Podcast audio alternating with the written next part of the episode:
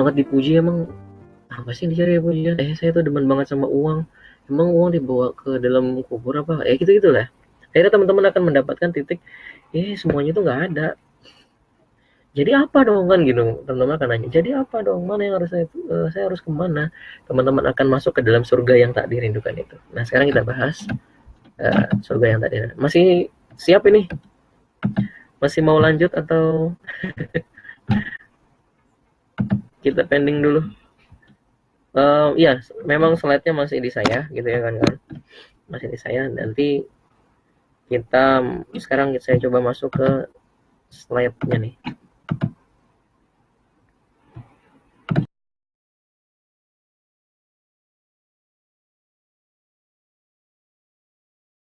Kasih tahu saya tolong kolom eh, komentar di kolom. Di kolom komentar silahkan di komen Wih, Masya Allah nih masih bertahan 317 orang. Sudah ya sudah muncul ya. Sip. Mas Andi di kantor mau sampai jam berapa itu Mas Andi? Oke sekarang kita lanjut. Teman-teman sekarang sudah tahu bahwa ujung dari kesemuahan ini, ujung dari kesemuahan harta-harta ini adalah ketiadaan, kebinasaan. Jadi kita sering banget ketipu tuh. Kita berpikir, ah nggak penting belajar ilmu agama. Ah mana bisa pesan cinta, baca pesan cinta menyelesaikan masalah. No, karena teman-teman nggak paham gitu. Karena kita, teman-teman, termasuk saya, masih coba memahami. Oke, saya pikir cukup untuk bahas tentang surga yang ini ya, teman-teman. Kuncinya untuk keluar dari zona ini, kuncinya saya kasih tahu nih. Kun, maaf, sorry. Kunci, kuncinya untuk keluar dari dunia eh surga semu ini, surga semu untuk take out gitu ya dari surga semua adalah teman-teman tanya tanya diri sendiri dengan cara apa kejar terus kejar terus contoh teman-teman punya bisnis sekarang saya berbisnis buat apa sih gitu oh buat nyokupin kebutuhan Nah, sudah kalau cukup gimana? Kan gitu. Dikejar terus. Oh, ternyata saya mau ngumpulin duit ya. Terus kalau duitnya pada kumpul ngapain lagi? Oh, saya mau bagi-bagi ke orang lain. Terus kalau dibagi-bagi mau gimana lagi? Kayak gitu. Akhirnya teman-teman akan mendapatkan sampai di titik ujungnya nggak ada semuanya gitu. Oke ini saya kasih kuncinya adalah kejar terus, kejar terus pertanyaan. Terus ngapain terus apa? Terus apa? Terus apa? Pakai kata gitu ya. Terus apa? Nanti lama-lama teman-teman akan sadar sendiri. Iya ya semua. Gitu kan dua. Kalau mau keluar dari zona suka sama dunia ini banyakin minta apa namanya kalau ini fat, minta fatwa sama diri sendiri ya kan Allah bilang eh Rasulullah bilang mintalah fatwa pada hatimu.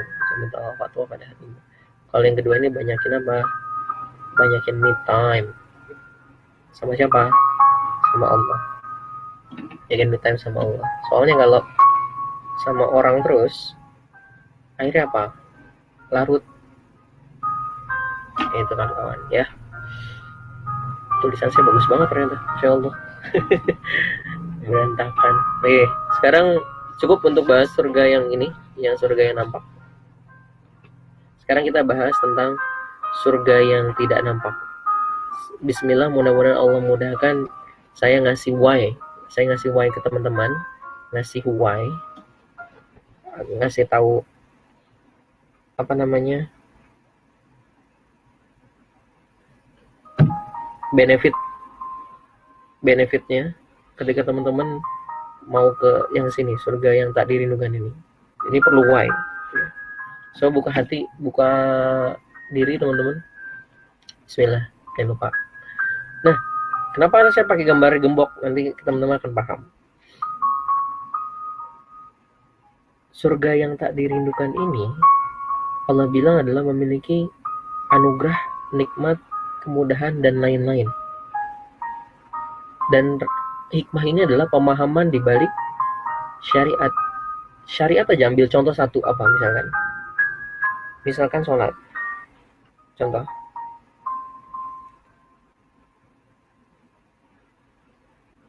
Sholat. Sholat ini kan harusnya bisa mencegah perbuatan keji dan munkar. Harusnya outputnya. Tapi kenapa hari ini tetap ada yang kayak gini-gini? Kenapa? Karena dia hanya jalanin.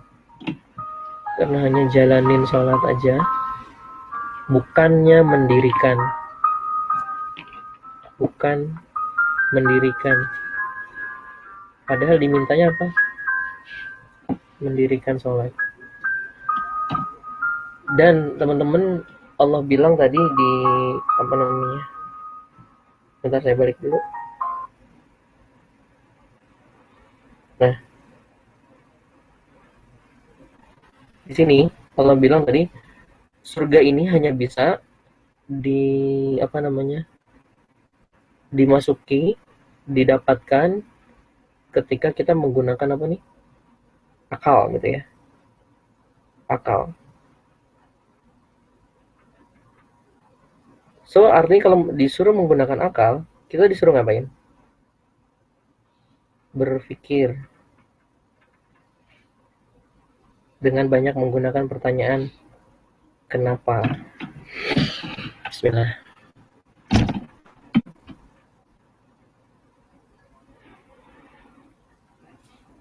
Jadi, sebentar, sebentar. Tulisan saya udah kacau ke mana-mana nih.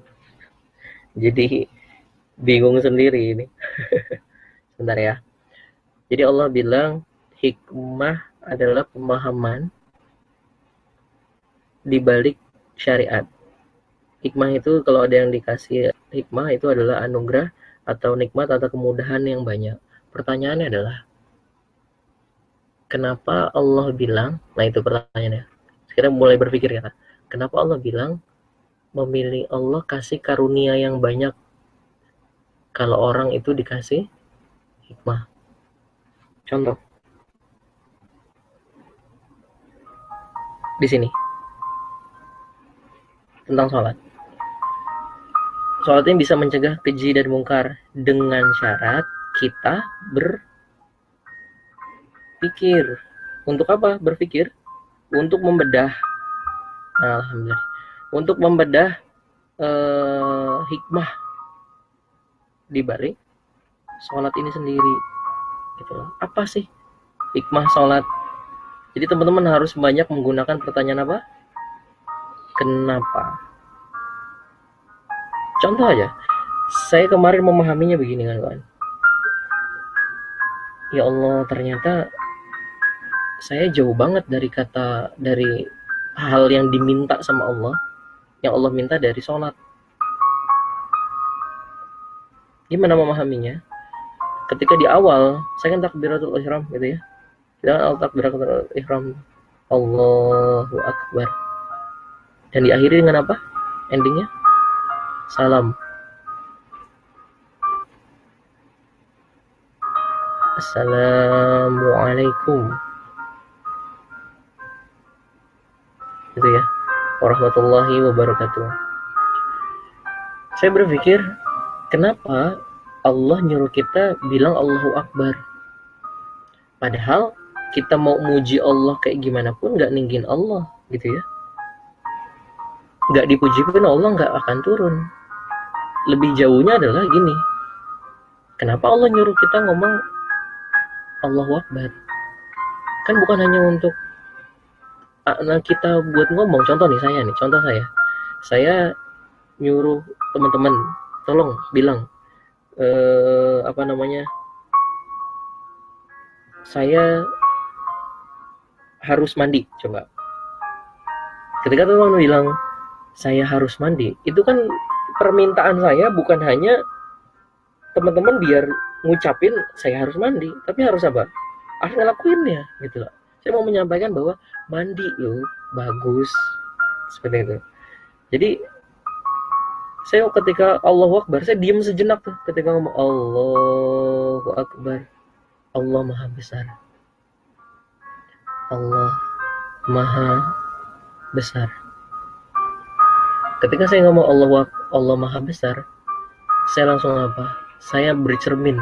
Jadi ilmunya bagus gitu kan saran saya adalah uh, untuk masuk ke surga yang dirindukan itu kuncinya adalah yang ini pertama ini pertama kunci pertama berpikir. Kedua adalah bercermin. Bercermin dari apa? Dari hikmah yang teman-teman dapat. Contoh tadi Allahu Akbar. Allah Maha Besar. Saya langsung bercermin. Apa iya di hidup saya itu Allah yang Maha Besar? Apa hanya pas sholat aja saya ngomong Allah Allah maha besar? Itu pun juga pas sholat seringnya mikirnya macam-macam ya. sholat itu paling cuma lima menit. Lantas 23 jam 55 menit 23 jam 55 menit lainnya itu saya banyak mikir yang apa nih? Mikir Allah atau lainnya? Atau lain? Saya langsung berpikir ya Allah ternyata saya mikirnya banyaknya ke sini lebih banyak mikir apa? Bisnis lah. Mikir bagaimana branding lah. Misalkan gitu ya. Mikir bagaimana masa depan lah. Mikir bagaimana impian yang belum dapet lah. Dan lain-lain. Sehingga ketika kita memahami bahwa ya Allah kita mah bohong ngomong Allah Akbar.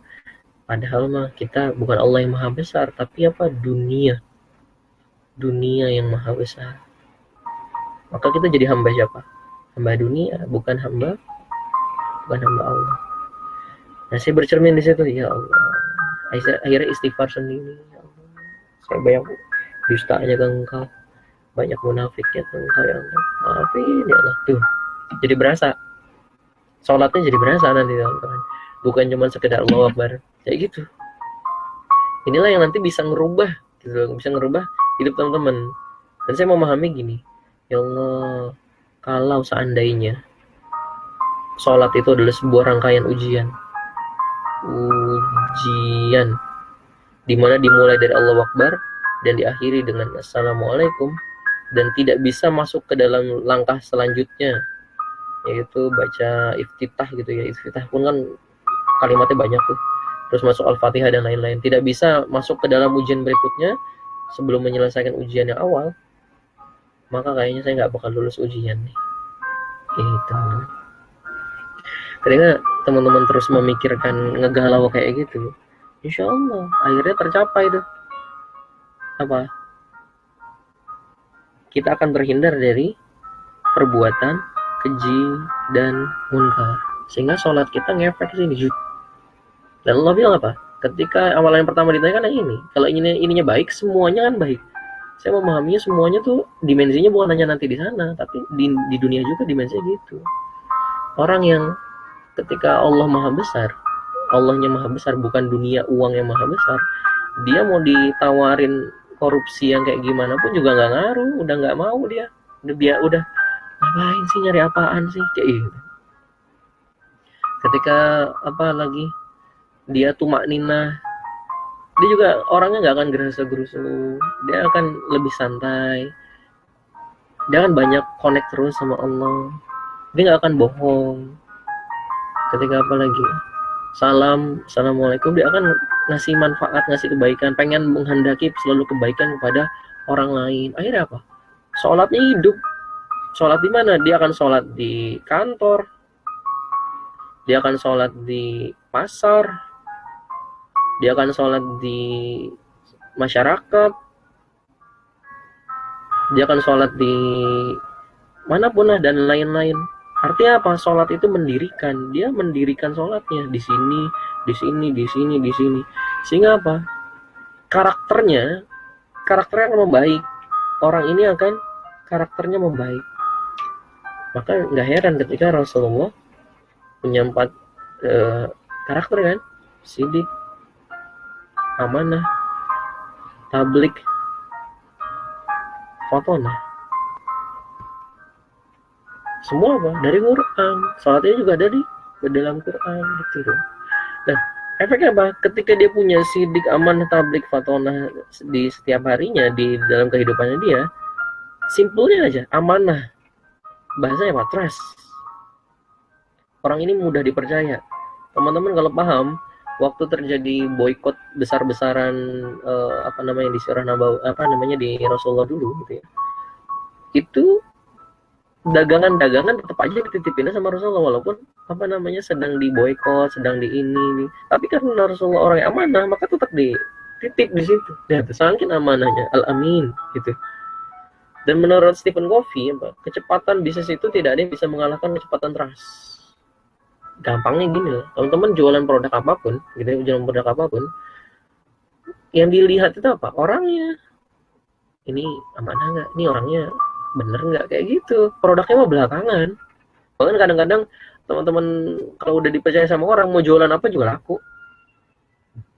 Lihat akhirnya apa? Sholatnya mengimpact juga kepada hidupnya.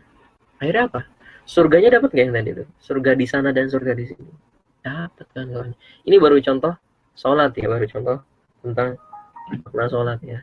Nah sekarang balik ke sini kan kawan. Jadi kalau teman-teman mau membuka gembok ini gembok ini banyak menggunakan apa? Jawab. Banyak menggunakan apa? Dijawab di komentar ya. Banyak menggunakan apa? Dan how? Caranya gimana? Nah, saya mau lihat dulu nih. Jangan udah pada tidur ya Insya Allah bentar lagi uh, saya selesaikan dengan beberapa kesimpulan. Silakan dijawab dulu. Jadi buka gembok itu dengan apa dan caranya gimana? Coba saya mau lihat. Silakan dijawab di kolom komentar. Go. Nah, slide-nya nggak jalan. Oke, oke, oke, oke, oke. Uh, bentar.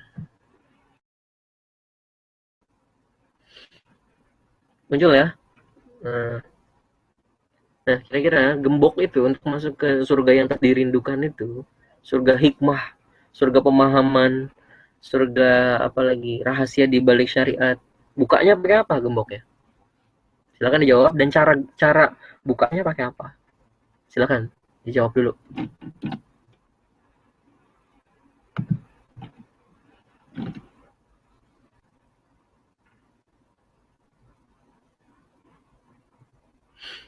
Oke, beberapa sudah jawab tuh. Buka gemboknya dengan baca Al-Quran dan mentadaburinya, mas. Itu asi apa tuh asi? Oh, Al-Quran, sholat, infakah. Disingkatnya asi. Oke, apa lagi? Sholat. Apa lagi? Dan orangnya menjauhi larangannya dengan terus menanyakan why-nya, kenapa Allah beri perintah kita. Sip. Good, good, good, good, good. Jadi kuncinya bukan kata-kata saya nih. Allah tak udah bilang, coba dibuka lagi di 269 deh. Lihat ujungnya.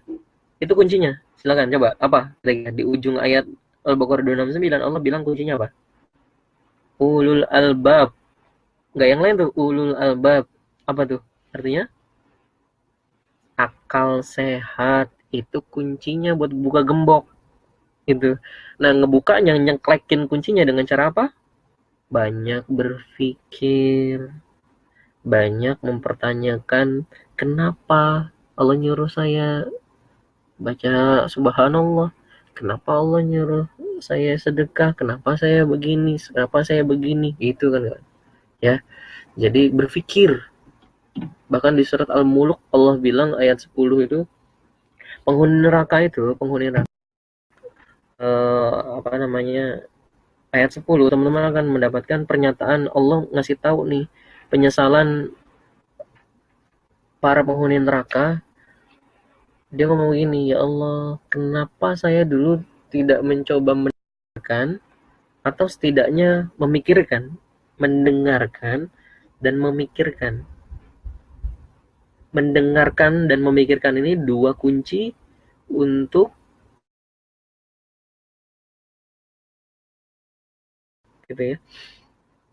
Tapi pembelajaran yang efektif menurut saya pribadi adalah sampai rumah dipikirin lagi sampai rumah dibuka lagi sampai rumah di kenapa begini kenapa begini kenapa begini kenapa begini. Itu ya kan kawan ya. Jadi penyesalan itu gitu. Kenapa dulu saya nggak mendengarkan kata orang neraka atau setidaknya memikirkan. Mendengarkan dua level loh mendengarkan tuh ada dua level. Kalau kita ngomong ke anak kita bilang gini kamu nggak dengerin ibu sih kayak gitu. Sebenarnya bukan dia nggak mendengarkan kan? Tapi dia denger tapi nggak jalanin. Itu yang maksudnya di level mendengarkan kenapa mendengarkan di awal. Jadi sampai ke tahap melaksanakan. Atau setidaknya memikirkan. Setidaknya ada usahamu ada ada keinginanmu untuk memikirkan semua ini. Tapi itu hanya bisa untuk orang-orang yang lagi nggak ketipu sama dunia sih. Tapi kalau lagi ketipu sama dunia ya apa namanya susah gitu. Kalau ketipu sama dunia uh, rada-rada susah. Nih oke sekarang saya mau lanjut materinya saya mau lanjut materinya tapi saya mau cek dulu nih gambar saya videonya kelihatan nggak? Sekarang lagi video gambar wajah saya nih. Terus suaranya jelas apa enggak silahkan dijawab dulu nanti saya lanjut um, kenapa dibilang uh, tadi udah ya sebenarnya. Intinya kita membahas lebih dalam tentang surga yang tak dirindukan tadi. Coba dijawab dulu. Videonya bagus nggak? Sambil saya minum dulu ya izin dikit.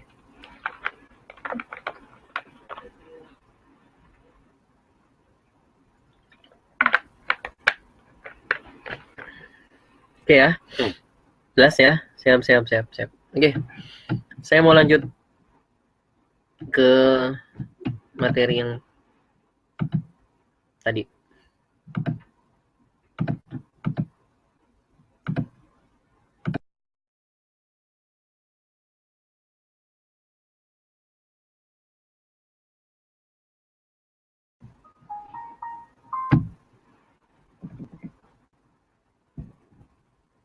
Oke, kita balik ke sini. Yap, benar banget kawan-kawan bahwa kuncinya, kunci untuk membuka ini, kuncinya itu adalah akal.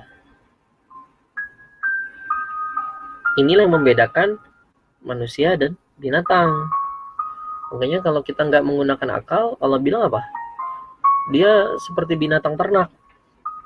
Atau lebih rendah daripada itu. Kenapa dibilangnya binatang ternak? Yang jadi nyambung sih itu tuh. Kalau teman-teman sudah banyak memikirkan, nanti ini nyambung deh. Satu Quran tuh kayak nyambung, hadis-hadis tuh nyambung semua. Karena sumbernya sama semua. Kenapa binatang ternak? Kenapa tidak dibilangnya binatang liar? Kenapa binatang ternak? Karena namanya ternak gitu ya kan kawan ya. Contoh ayam gitu ya. Kalau di PPA ada ayam langit sekalian promo ini. Contoh ayam aja ayam itu atau bebek gitu ya atau apa pun yang diternak itu dia punya jam-jam khusus. Jam makan jam apa lagi? Jam keluar jam refreshing jam mandi mungkin beberapa hewan lain. Jadi ada rutinitas. Artinya apa? Kenapa dibilang ternak? Karena ketika kita hanya ngikutin rutinitas nggak ada bedanya kita sama binatang ternak. Nih nggak ada bedanya sama binatang ternak. Bahkan lebih rendah. Kenapa oh iya orang kita dikasih akal nggak dipakai. Binatang ternak nggak di nggak ada akal jadi nggak dipakai. Enggak nggak bisa pakai apa-apa. Kita dikasih akal nggak dipakai ya berarti lebih rendah dong dari binatang ternak. Buat apa nih? Buat apa? Gitu. dia pakai akal. Yang kedua adalah caranya gimana? Banyak berpikir. Banyak berpikir. Banyak berpikir. Dan pastikan di akhir pikiran teman-teman itu semua dibalikin ke mana nih bercermin. Jadikan semua untuk bercermin. Melihat diri sendiri. Akhirnya bener tuh hadisnya balik lagi tuh. Kalau kita tahu jelek-jeleknya kita kita akan lebih sibuk ngoreksi diri sendiri daripada ngoreksi orang lain. Tapi orang yang masih yang ngoreksi orang lain dan melupakan dirinya ini dia ilmunya jadi dia kumpulkan hanya untuk membuat nih kamu bercermin. Nih kamu cermin dong. Kamu ngaca dong kamu ngaca dong. Tapi dia lupa ngaca diri sendiri. Dia lupa untuk nanya ke diri sendiri. Itu kan kawan ya?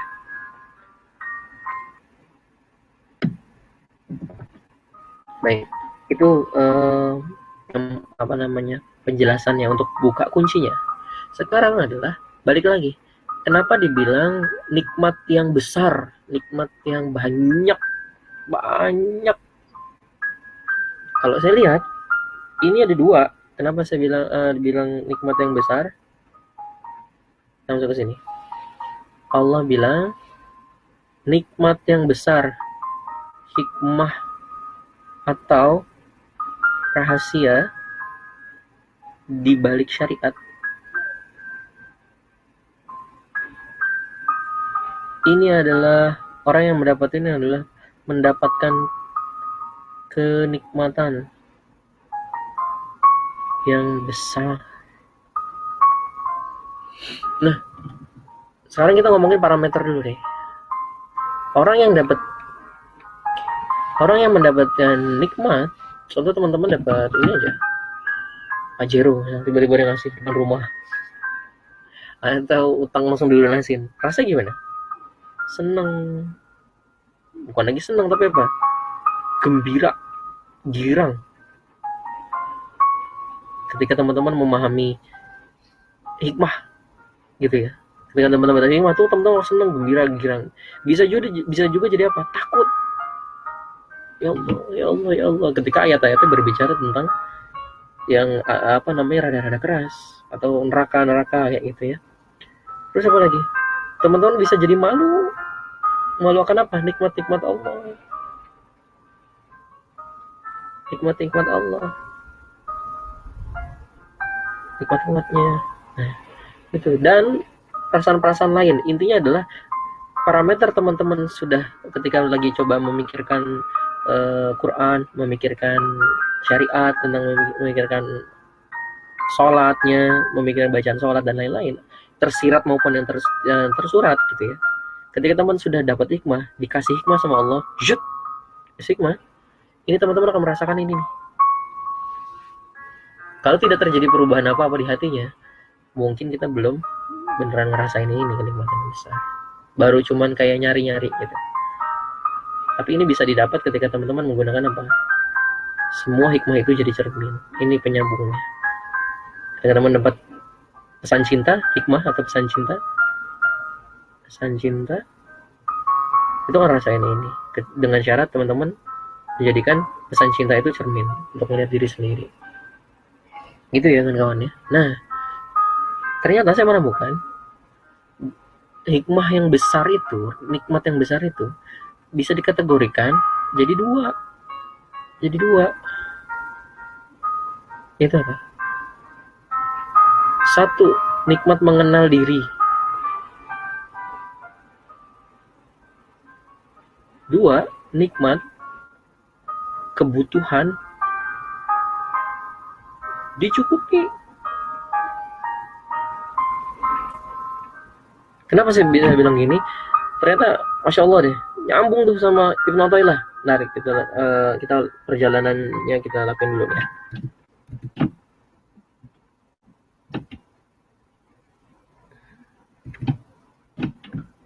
Kenapa saya bilang nikmat yang pertama adalah nikmat mengenal diri.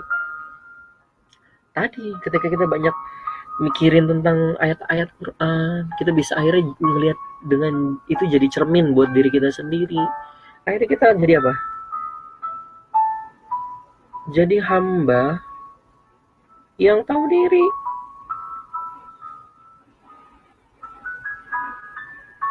Kita kan tahu kenal ya, saya nggak kuat. Ketika teman-teman merasa nggak kuat di hadapan Allah, menyerahkan ke Allah ke yang maha segala-galanya, ini akan muncul kekuatan tuh malah justru di situ ketenangan kedamaian. Justru orang yang mencoba berontak atau ngelawan dirinya sendiri ngelawan hatinya sendiri bisa bisa bisa. Berani berani berani. Sebenarnya dia lagi ngomong neken sama diri sendiri. Saya tuh sebenarnya nggak berani seberani itu. Sebenarnya saya nggak sehebat itu saya ikut uh, ilmu-ilmu terapi kan, kan. Ternyata yang paling gampang yang paling mudah untuk bagaimana hati yang tadinya bergejolak uh, apa namanya hebat pengen bisa hebat gitu ya pengen bisa hebat caranya bukan malah anda menghebat-hebatkan diri bisa hebat hebat. Capek. Ternyata saya menemukan setelah banyak uh, baca buku adalah apa? Acceptance